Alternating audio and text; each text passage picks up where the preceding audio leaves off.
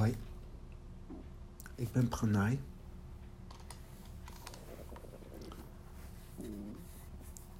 Vorige week zat ik in meditatie. En het werd mij op een bepaalde manier ingegeven. Dus het was niet zo dat ik zelf begon te denken. De gedachte kwam in mij en ook zo voelbaar dat het niet van mij bij mij ontstaan was. En die gedachte die zei: Hoe zal ik eigenlijk gaan van onwaarheid naar waarheid? Van dood naar leven en van duisternis naar het licht? Hoe bereik ik eigenlijk God? Later keek ik een filmpje op YouTube. En het ging over een monnik, een zen, correctie, een boeddhistische monnik. En die was heel fanatiek. En op een gegeven moment, hij was zo intens aan het mediteren, ontmoette die de duivel. Hij kwam in de hel en hij zag Boeddha in de hel. En een leraar van hem, een hele geliefde leraar, die was overleden. En die zaten in de hel. En de duivel zei: Dat komt omdat ze Jezus niet hebben erkend als de enige zoon van God. En zo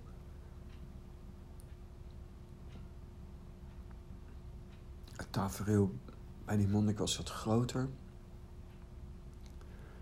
Maar om het even hierbij te houden, daarvanuit ging hij vanuit het boeddhisme naar het christendom. En ik heb dat altijd, zelf altijd zo gezegd. Als het zo zou zijn dat er maar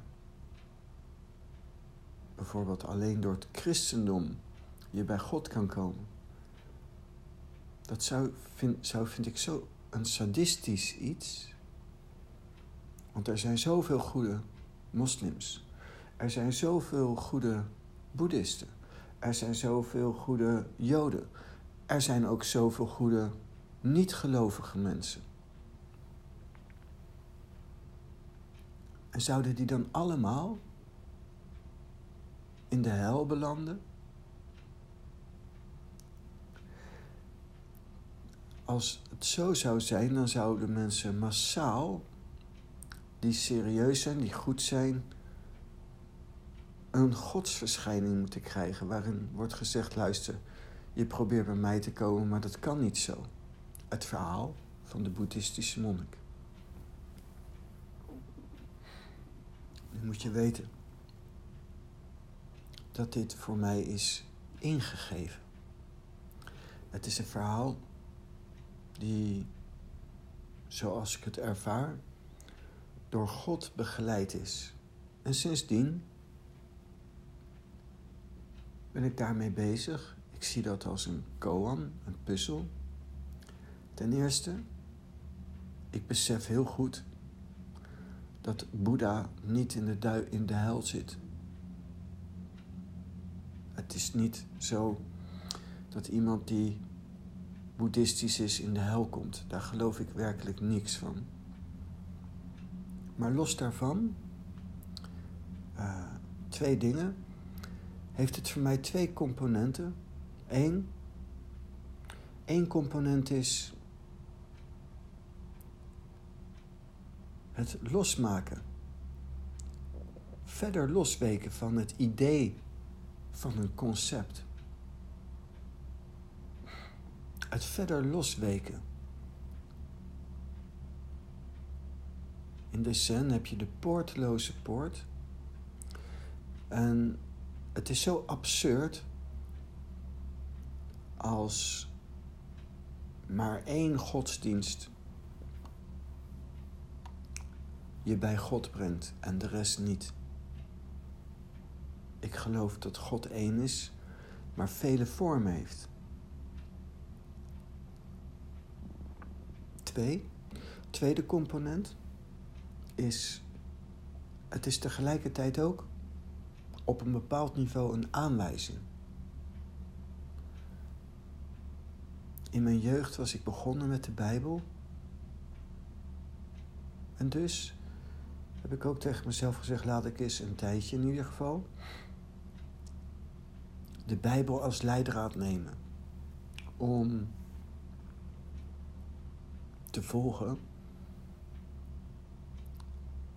de boodschap.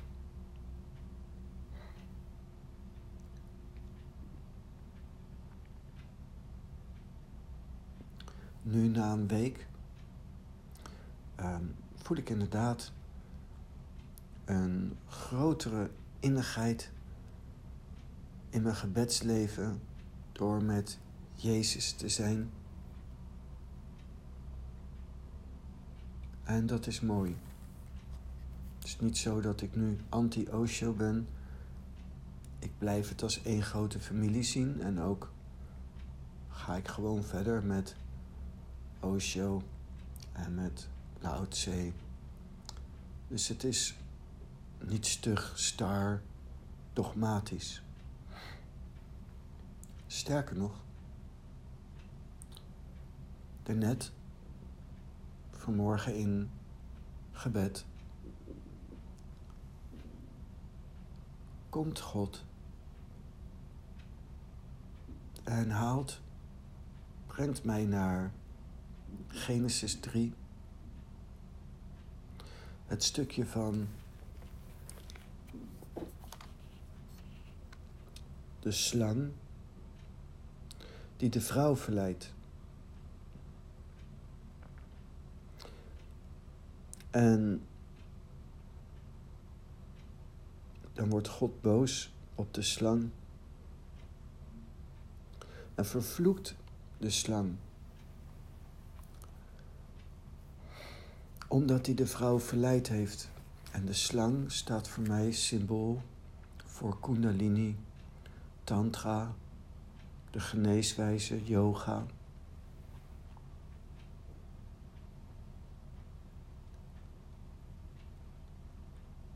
En God zei tegen mij: Kijk,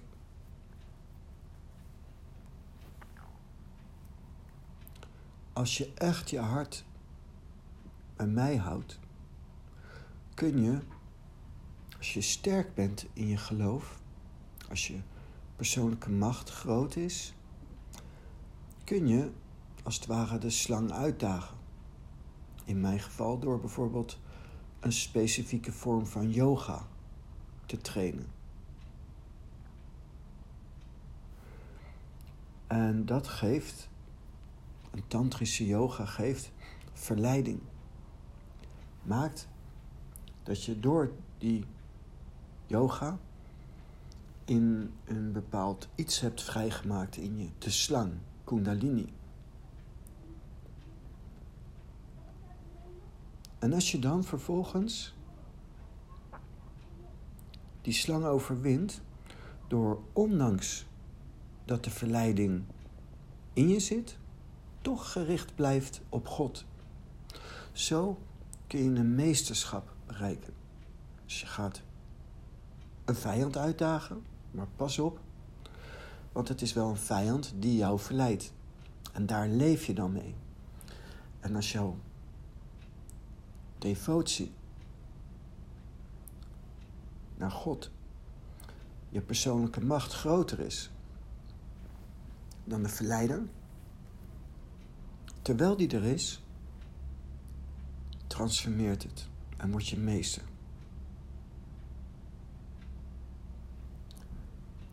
Heel fijn is dat ik dan eigenlijk van de Allerhoogste officieel toestemming krijg om dat te doen.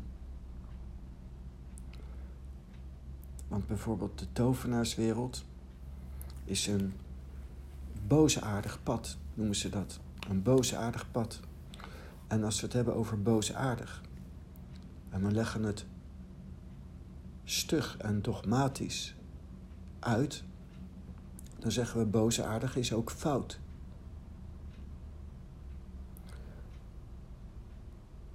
Maar boosaardig is niet fout als je het ziet als een slang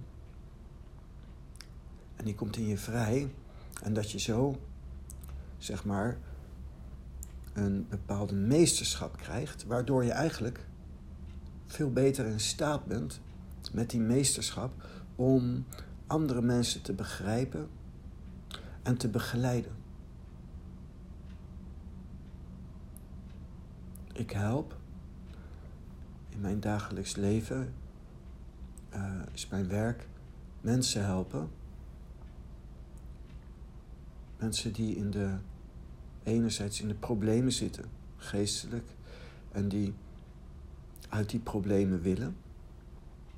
Of mensen die gewoon hun bewustzijn willen verruimen, dan geef ik coachings. Als een luisteraar trouwens coaching wil, via mijn site kan je contact met mij maken. Kan op, met Skype bijvoorbeeld. Kun je een coaching krijgen. En met die coachings help ik mensen. En als ik een meesterschap bereik, en ook alle ervaringen die je hebt voordat je meesterschap bereikt, heb je extreem veel aan om mensen te helpen. Maar daarvoor zit ik dan wel op een bepaalde manier in. Uiterlijk lijkt het een disbalans. Innerlijk is het gewoon een offer voor God en voor de mensen. Dus ik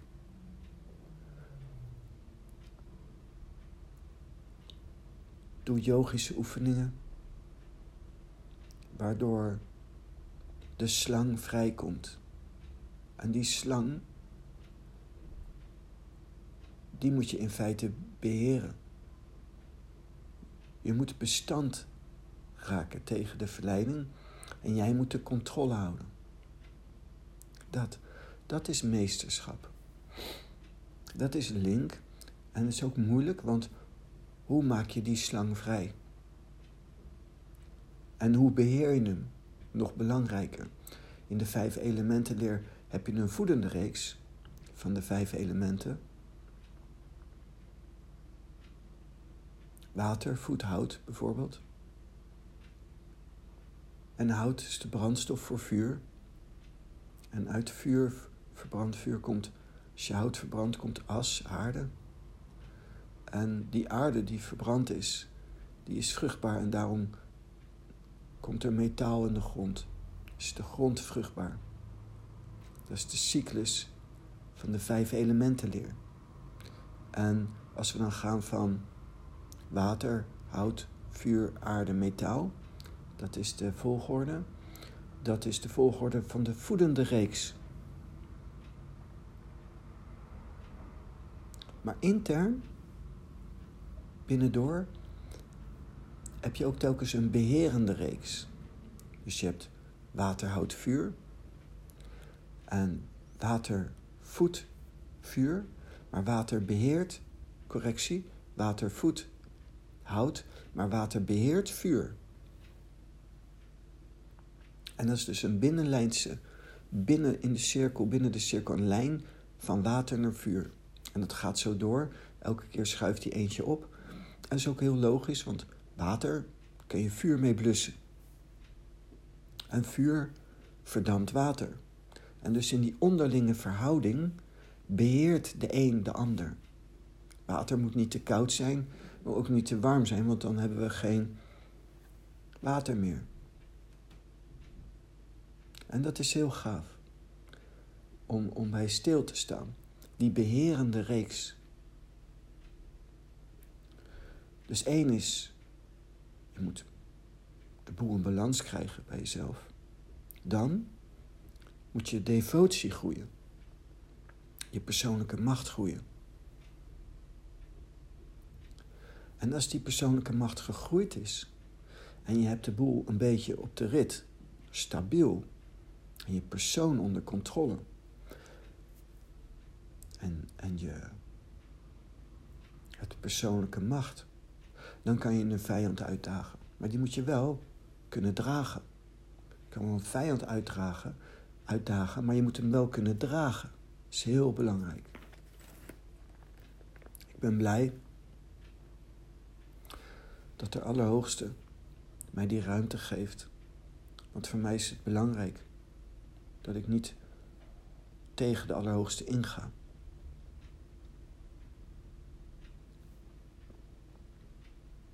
En dat ik het juist doe voor de Allerhoogste. Dus één is zijn beeld. Wat mensen soms denken. Ik heb ooit een dominee, correctie, een pastoor bij mij thuis gehad. En die zag een Gita staan. En die zag een, een beeld van Shiva staan. Een Hindoeïstische god. God van yoga, onder andere. En vernietiger. Beetje te makkelijk gezegd, maar even om een uh, grof beeld te krijgen. En hij ging zitten. Ik wilde me eigenlijk laten dopen. Het eerste wat hij zei was binnen twee, drie minuten. Haalde hij elke wereldgodsdienst aan en maakte hem met de grond gelijk. En ging vervolgens eigenlijk een soort wanbeleid in om mij niet te willen laten dopen. Wat absurd is. Want als je echt denkt dat Jezus de enige is en dat een boeddhist, hindoeïst, een jood, een moslim, hoe goed ze ook zijn, God niet zouden bereiken. En er zit iemand die zit dan bij de duivel en die wil eigenlijk gedoopt worden, zou ik er alles aan doen om die persoon over de streep te helpen. Want er is dus een ruimte voor bevrijding. Maar dat terzijde. Dus één is de asociale houding van de pastoor, de niet compassievolle houding van de pastoor, die opmerkelijk is. Uh, maar het is ook absurd. En er is zo'n filmpje gemaakt. Maar dat filmpje, als het al waar gebeurd is, is dat ook een koan voor zo'n monnik. Want God is één en het is totaal krankzinnig en gestoord om te denken dat je alleen via het christendom bij God kan komen. Of andersom, ook als hindoeïst alleen bij God kan komen. Of welke dan ook. Het mooie is, als je los bent, is het tegelijkertijd ook een aanwijzing. Ik vind de Bijbel ook heel mooi. En dus ik ga me tegelijkertijd ook meer verdiepen in de Bijbel. En komt God aan daarna met wees vrij voor meesterschap. Maar ik zeg niet tegen iedereen die dit hoort, wees vrij voor meesterschap.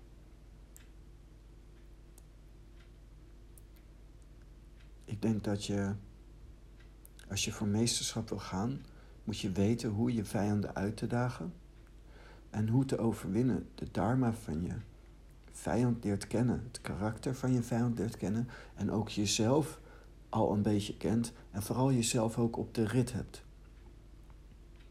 Stabiliteit en een bepaalde controle over je persoon, wat je eet, hoe je leeft en wat je doet en dat je je leven op de rit hebt. Eigenlijk is het best wel eenvoudig. Als je gaat kijken naar de elementen, bijvoorbeeld, je zorgt voor je lichaam. Je zorgt dat die schoon is. Je zorgt dat die eten heeft. Je zorgt dat je lichaam uh, genoeg slaap heeft, genoeg rust heeft en, enzovoort. Een huis heeft en zo. En Of in ieder geval een plek heeft om te leven. Zo ook je lichaam, je persoon. Je persoon moet een beetje in het reinen zijn, bijvoorbeeld met uh, je werk. Je moet natuurlijk zorgen dat je je geld verdient. En hoe? En daar kun je ook tijd en aandacht aan besteden. Ik zie heel veel mensen die eigenlijk een baan hebben die ze niet leuk vinden. Alleen maar lopen te schelden, maar niks doen. Maar je kunt omscholen, je kunt zoveel actiefs doen. Als je er een, van mij een paar jaar voor uittrekt, kan je zoveel creëren. Als het nu moet, kan je niks. Maar als je een paar jaar ervoor uittrekt, kan je zoveel. Maar niets doen en alleen schelden is zo klein. Zo niet sterk. Zo kortzichtig. En dat is ook qua huis. Je kan tussen aanhalingstekens wonen hoe je wilt, maar dat vraagt aandacht. Relatie. Als je vaak denkt, ik wil niet alleen zijn, zoek dan een partner. En als je vaak denkt, ik wil alleen zijn, ga dan van je partner af. Zorg dat je het zo regelt dat je, jij naar je zin zit. Als je alleen zit en je wilt drie keer per week seks en aandacht en warmte, ga dan een partner zoeken. Wees geen dief van jezelf. En het is eigenlijk makkelijk. Het is eigenlijk eenvoudig. Maar laten we bijvoorbeeld eten nemen. Ik sprak van het weekend met mijn dochter over eten. Maar eigenlijk zie je zeer weinig mensen in balans zijn met bijvoorbeeld eten. Mensen voelen zich te dik, eten ongezond of zijn te dun. Um, hoeveel mensen eten eigenlijk naar hun zin en zijn op een stabiel gewicht waar ze ook blij mee zijn? Je hoeft niet allemaal perfect te zijn. het is niet zo dat je allemaal geen buikje mag hebben of wat dan ook, maar dat je daarmee in het reinen bent. Dat het klopt voor je en dat je lichaam ook een bepaalde mate van gezondheid heeft. Weinig mensen. Is eigenlijk heel raar. Mensen massaal eigenlijk niet zo de tijd nemen om rustig zich eens te verdiepen in bijvoorbeeld zoiets als eten. Ik denk dat dat heel essentieel is. Met aandacht kijken naar de ingrediënten van jouw leven en het regelen voor jezelf. Nogmaals, veel dingen kunnen niet even.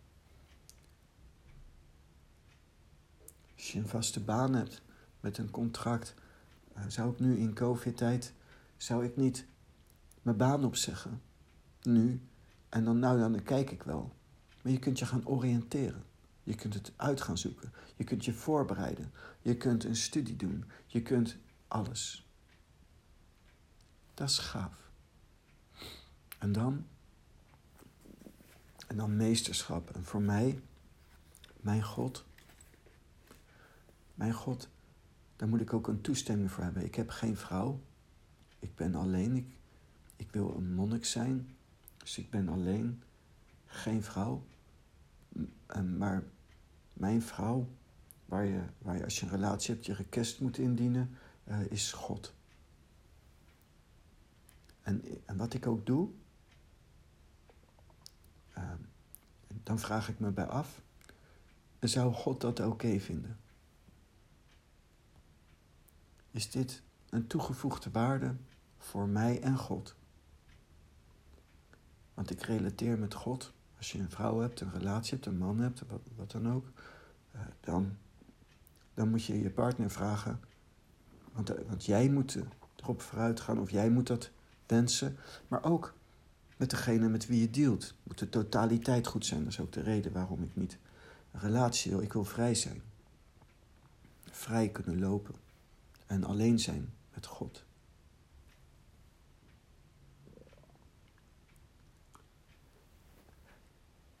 En die onrust en die onvrede, die heel erg heerst in de wereld.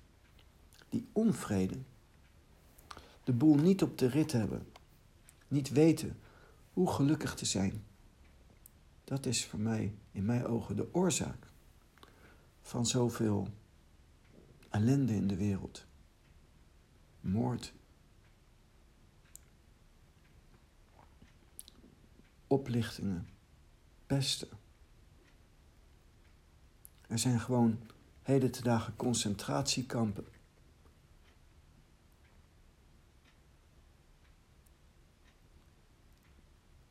Het is zo bizar om te bedenken dat de mensen gemarteld worden.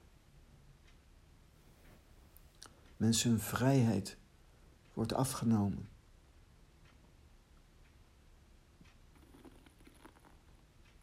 En dan heb ik het niet over de coronamaatregelen met vrijheid die afgenomen wordt.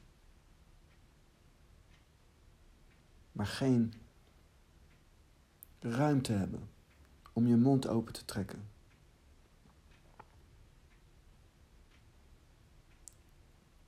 En er is zoveel onvrede, zoveel boosheid, zoveel onvrede, zoveel wijzen naar anderen.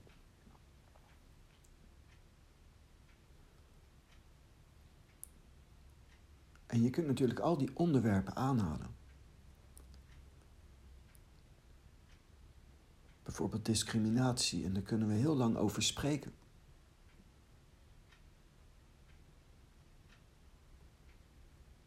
Maar de oplossing van het spreken is één. Maar twee is als je zelf de elementen in balans hebt en elk element verzorgd hebt, ook beheerd hebt. Als je ze beheerd hebt, dan sta je sterker tegen onrecht. Bij de taal, pas als de taal verloren gaat, raak je gevoelig voor onrecht. Het is niet zo dat je, als je de taal hebt, het onrecht niet ziet. En het daar wel of niet mee eens kan zijn. En dus ook tegen kan zijn. Maar we hebben het over een bepaalde intentie. Dat die het zien van onrechtvaardigheid de vrede verstoort. De innerlijke vrede verstoort. Dat is niet de, de weg. Dus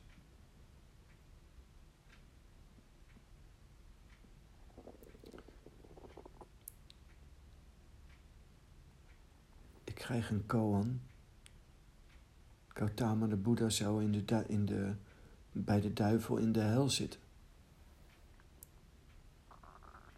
Nou, dat maakt het voor mij alleen maar nog opzichtiger hoe belachelijk dat zou zijn als dat zo zou zijn. Maar toch, tegelijkertijd ga ik ook mee, maar wel met onderscheidingsvermogen en ga dus meer de Bijbel lezen. Is mooi. En ik sluit me dan aan bij Jezus en ik lees de Bijbel en ik krijg vandaag te horen: jongen, het is goed als je gaat voor meesterschap. Mijn zegen heb je. Succes met yoga. Dat is mooi. En zo. En zo ben ik op weg in een, bij mij in meditatie en in een meditatief zijn via het lot en het leven, maar ook via mijn gebedsleven in contact met de Allerhoogste. En zo reis ik. En voor mij heb ik een, als het ware, een goedkeuring nodig. Een, een toezegging van de Allerhoogste. Uh, het liefst zo als het gaat zo in mijn gebed. En, in mijn, en dat je ook echt in een contact bent. En dat die bevestiging geeft. Maar in ieder geval ook los daarvan uh, misschien nog eentje belangrijker is uh, je hart. Via je hart. God spreekt via je hart. En dat is eigenlijk heel gemakkelijk, want je, wat je ook doet, wat je ook, hoe je ook leeft, je moet eigenlijk de privé en de details blijven van jou, maar je zou wel in staat moeten zijn om jou wat je doet, waar je mee bezig bent, in de krant te durven zetten of in een interview voor de televisie heel relaxed kunnen zitten en dat ze in feite vragen naar elk element in je leven. En dat je nergens een, uh, een angst voor hebt dat het op de voorgrond komt. Zo van nou, maar ik hoop maar niet dat we daar naartoe gaan. En het moet zo zijn, eigenlijk liever nog dat je er trots op bent. Dat je trots bent op je eigen leven. Dat je trots bent op hoe jij alle elementen verzorgt en beheert en creëert. En mee bezig bent om eventueel te wijzigen. Het hoeft uh, alles goed, is ook bijna een onmogelijkheid. Uh, door de veranderingen heb je iets gebouwd en dan verandert er iets. En dan staat dat weer wankel. Maar dat is juist het leuke van het leven. En dat je dat ook dus kunt brengen. Dat je dat ook als het ware zo in een, van spreken, een interview zo zou kunnen vertellen. En dat je nou, het gevoel hebt als een manager het wel beheert, onder controle hebt en flexibel bent, krachtig bent, creatief bent om te reageren op alle veranderingen in het leven en ook blij bent met wat je creëert en wat je aan het creëren bent.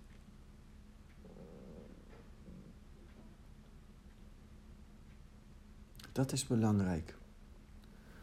Als je mij vraagt over liefde, ik ben dan alleen, maar ik voel me ook nooit eenzaam. Ik ben al heel veel jaren geleden gescheiden en ik heb me niet één moment eenzaam gevoeld. Ik ben heel blij ik ben heel blij in mijn alleen zijn. En dat is een heel belangrijk iets. En als ik een mooie vrouw zie, dan vind ik die wel mooi.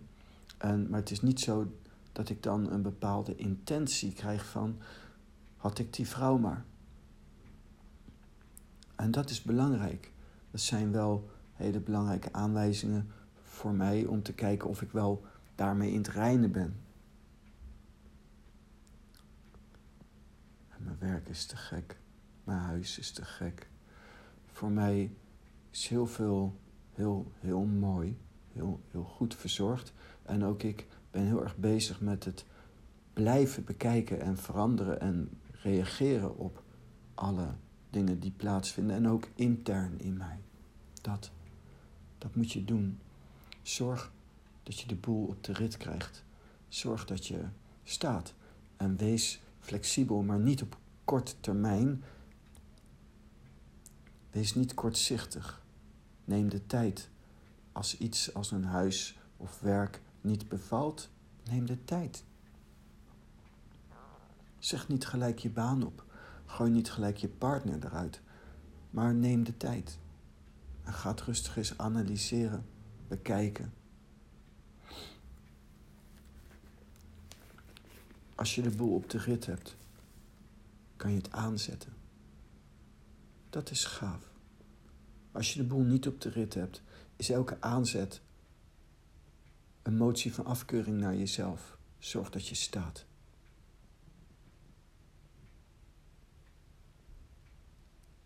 Nou, dat.